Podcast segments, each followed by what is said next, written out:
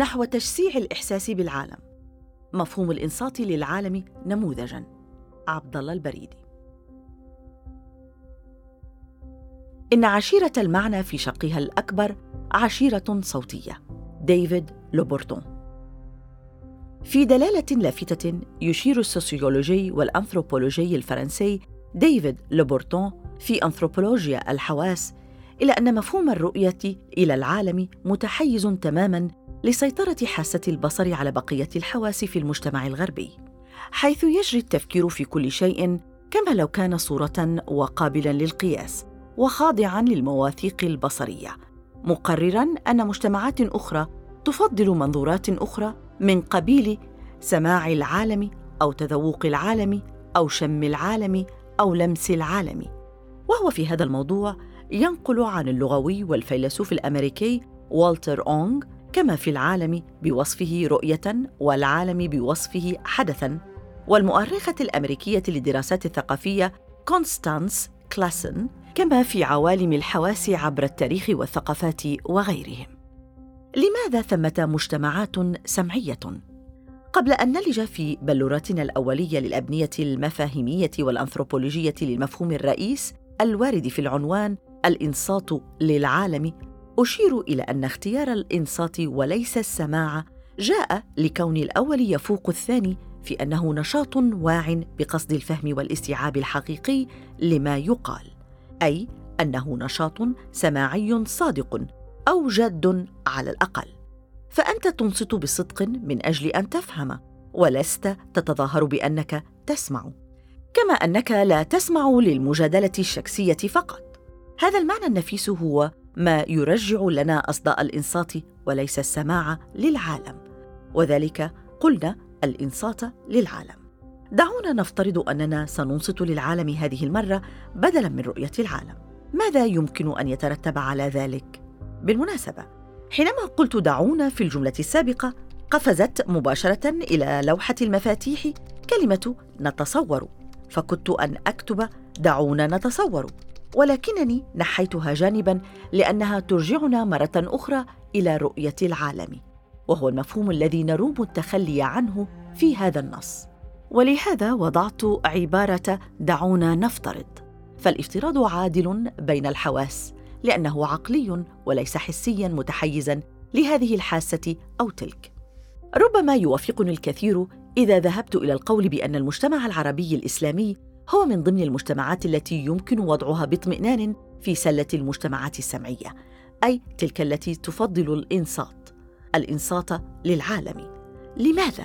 لعدة أسباب ومن أهمها اولا المجتمع العربي ما قبل الإسلام كان مجتمعا يقتات على الثقافة الشفهية بالدرجة الأولى عبر الشعر والقصص والأمثال والحكم والأساطير الشفهية حيث لم تنتشر الكتابة. التي تقود إلى عالم الرؤية والرسم والنحت والصورة مما يعلي من شأن الاستماع والكلمات. وفي الأدبيات الحديثة ثمة تأكيد على أن الكلمات في ثقافة شفهية سمعية معينة لا تنفصل عن الفعل لأنها تظل دوما اصواتا. ثانيا بعد الإسلام ترسخت ثقافة السماع أكثر لكون النص المقدس يتطلب أن نسمعه لكي نعقله. فهو كلام الله والكلام يسمع. ولهذا جاء التعبير المشهور في الأدبيات الإسلامية أدلة سمعية التي يعبرون عنها أيضا بالأدلة النقلية مقابل الأدلة العقلية. يولي الفكر الإسلامي السماع مرتبة أعلى ونجد هذا متجسدا في العديد من التمظهرات ومنها تقديم السمع على البصر في أكثر الآيات القرآنية التي جمعت بينهما. وعددها 38 مرة. ومن هذه المواضع هذه الآية الكريمة ذات الدلالة الباذخة في العلم والتعلم وأسبقية السمع في ذلك. بسم الله الرحمن الرحيم. والله أخرجكم من بطون أمهاتكم لا تعلمون شيئا وجعل لكم السمع والأبصار والأفئدة لعلكم تشكرون.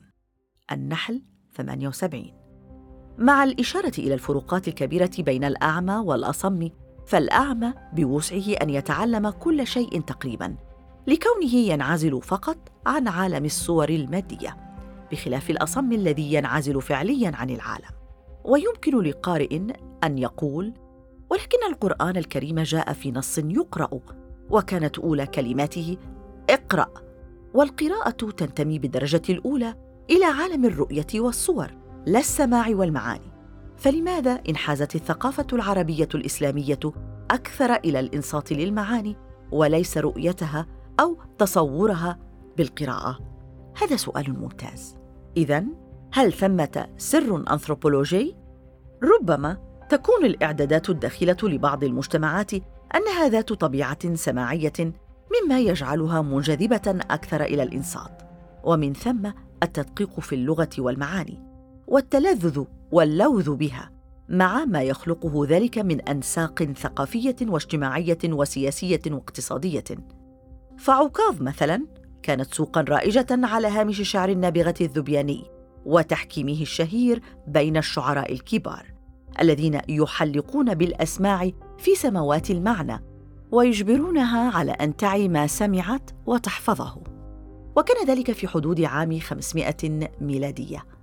وهو قريب من الطائف ويلحق عكاظا سوق مجنة وسوق ذي المجاز القريبين من مكة حيث يمكثون فترة زمنية في كل سوق. وربما يقال بأن هذا هو من شروط جعل المجتمعات متدينة من حيث الأصل حيث أن السماع يكون عادة بغرض فهم الأوامر والانصياع الإذعاني لها.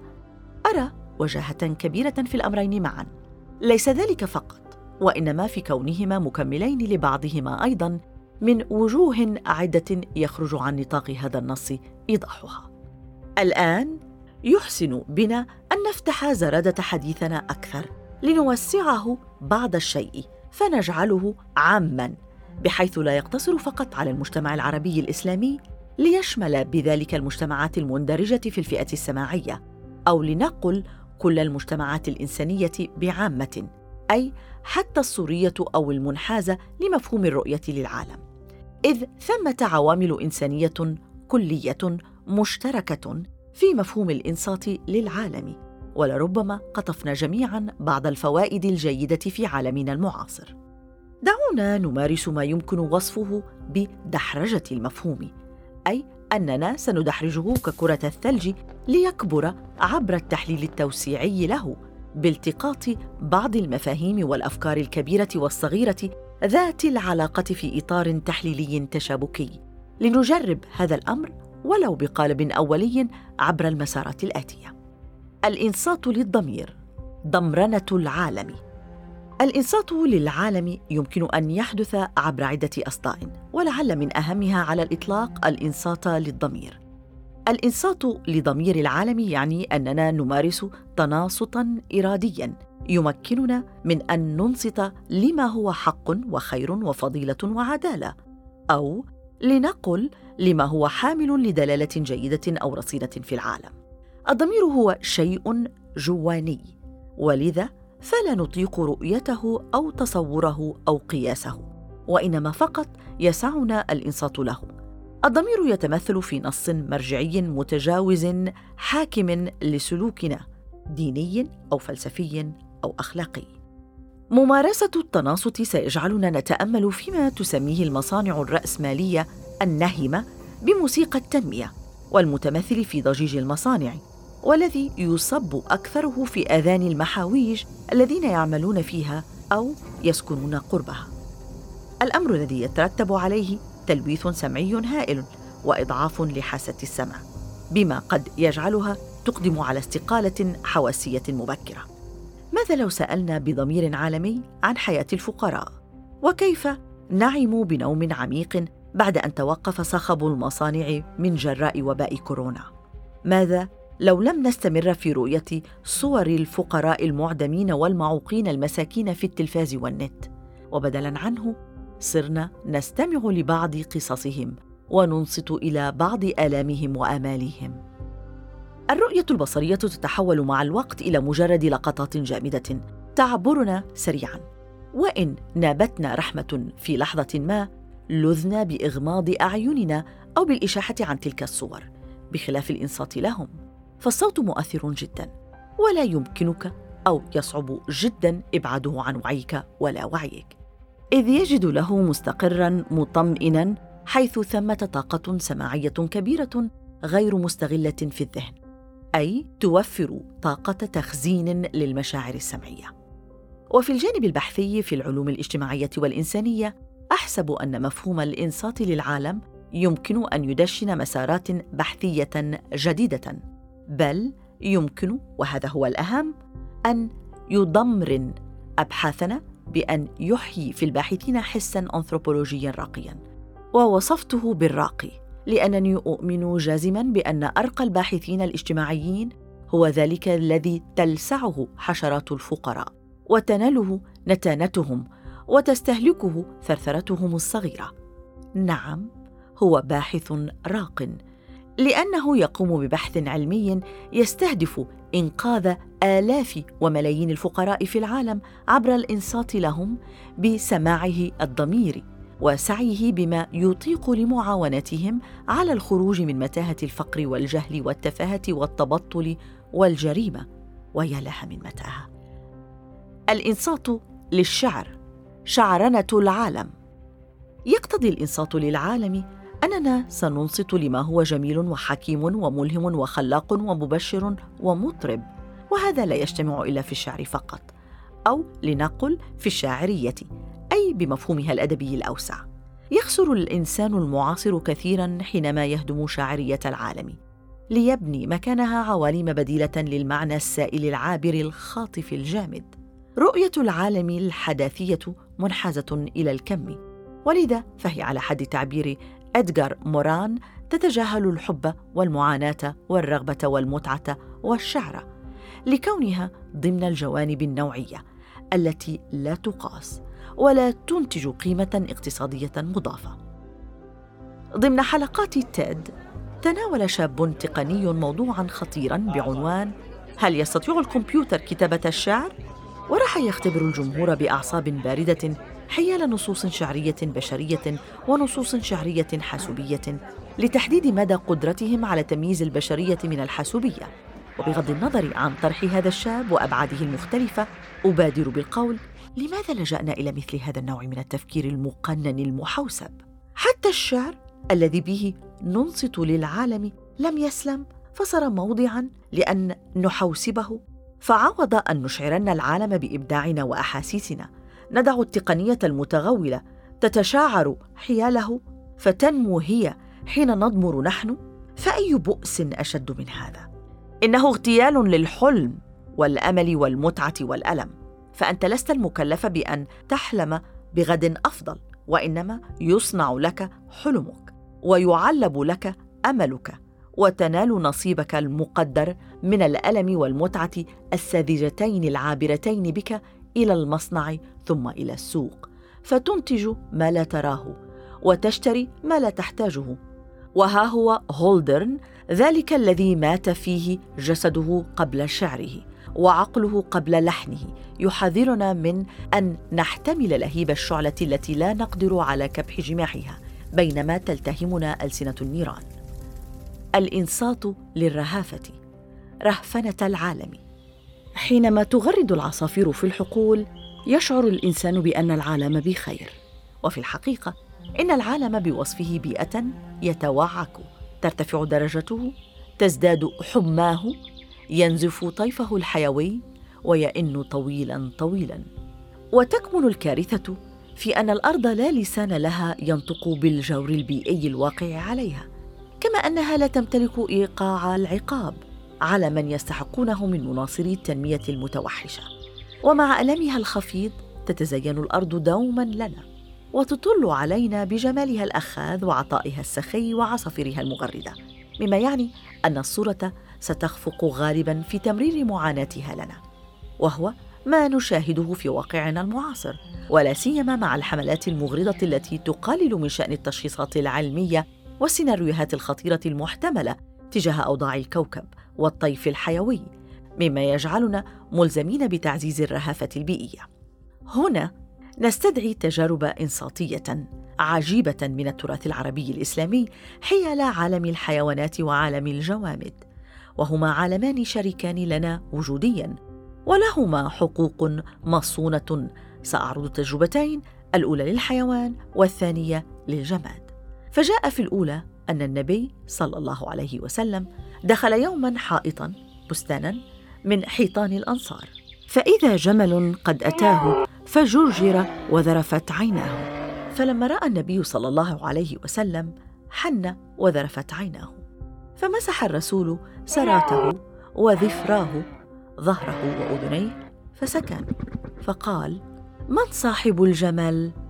فجاء فتى من الأنصار فقال هو لي يا رسول الله. فقال أما تتقي الله في هذه البهيمة التي ملككها الله؟ إنه شكا إلي أنك تجيعه وتدئبه تتعبه. رواه أبو داود. وفي الثانية حصل إنصات لجذع من الخشب حيث جاء في صحيح البخاري كان المسجد مسقوفا على جذوع من نخل. فكان النبي صلى الله عليه وسلم إذا خطب يقوم إلى جذع منها فلما صنع له المنبر وكان عليه فسمعنا لذلك الجذع صوتا كصوت العشار الإبل الحوامل. حتى جاء النبي صلى الله عليه وسلم فوضع يده عليها فسكنت راهنا في وقتنا المعاصر لنفترض أن العالم أنصت لنص مرجعي متجاوز من شأنه أن يضمرن تفكيره وسلوكه تجاه البيئة. فهل سيكون الاختلاف بيننا كبيرا حول مشكلات كونية كبرى؟ ومن أخطرها مشكلة التلوث البيئي حينها. هل ستفكر النيو ليبراليه الجشعة مثلا في إيجاد حيل ماكرة للتهرب من الالتزامات البيئية أو تمرير مزيد من كوبونات التلوث للدول الصناعية فقط لأنها صناعية؟ مسارات لتشسيع الإحساس بالعالم. في زيارتي للبرازيل عام 2017 وقعت في يدي مطوية تعريفية رسمية وجاء فيها أن البرازيل بلد يمارس السعادة كانت تلك هي المرة الأولى التي أفكر في السعادة بوصفها شيئا يمارس. إذا البرازيليون لا يرون أن السعادة هي شيء براني نسعى إلى الحصول عليه أو الوصول إليه، وإنما هو شيء نمتلكه أو نتوفر عليه لكي نمارسه. وكأنهم يقولون لنا: السعادة ليست فقط هي الوجهة النهائية التي نصل إليها، وإنما هي أيضا المحطات التي نمر عبرها أو بها. ماذا يعني كل هذا؟ يعني الكثير ومن ضمن تلك المعاني أننا بحاجة ماسة إلى تفعيل العديد من المنظورات الأنثروبولوجية لكي نغتني بها ولا سيما أن العولمة أصابت تنوعنا الحضاري الإنساني في مقتل والأنثروبولوجيا التي ندعو إليها هي تلك التي تقيم للثقافة وزنها. وتبرز الاختلافات والنتوءات أكثر من المتشابهات والمنتظمات. وتقر بالخصوصيات في سياق إنساني كلي. يقر المشترك ويجعله دعامة للسلام والوئام. باختصار إنها الحقل الذي يحتفي بالتنوع ويغنيه ويغتني به. هل تمثل هذه النظرة البرازيلية نوعا من تذوق العالم أم شم العالم؟ أم لمس العالم؟ أم أنها تعكس نوعا من الأحاسيس المعنوية المتمحورة حول إسعاد العالم في قالب كن جميلا ترى الوجود جميلا والذي ربما يقودنا إلى مفهوم الانسعاد بمعنى الانبناء الجواني للسعادة. لا أدري ولكن الذي أدريه جزما أننا بحاجة ماسة إلى تنويع منظوراتنا للعالم وتفحصها ونقدها وتطويرها وتشسيعها. وإغنائها الدائم بذخائر الثقافات المحلية والذخيرة الإنسانية الكلية.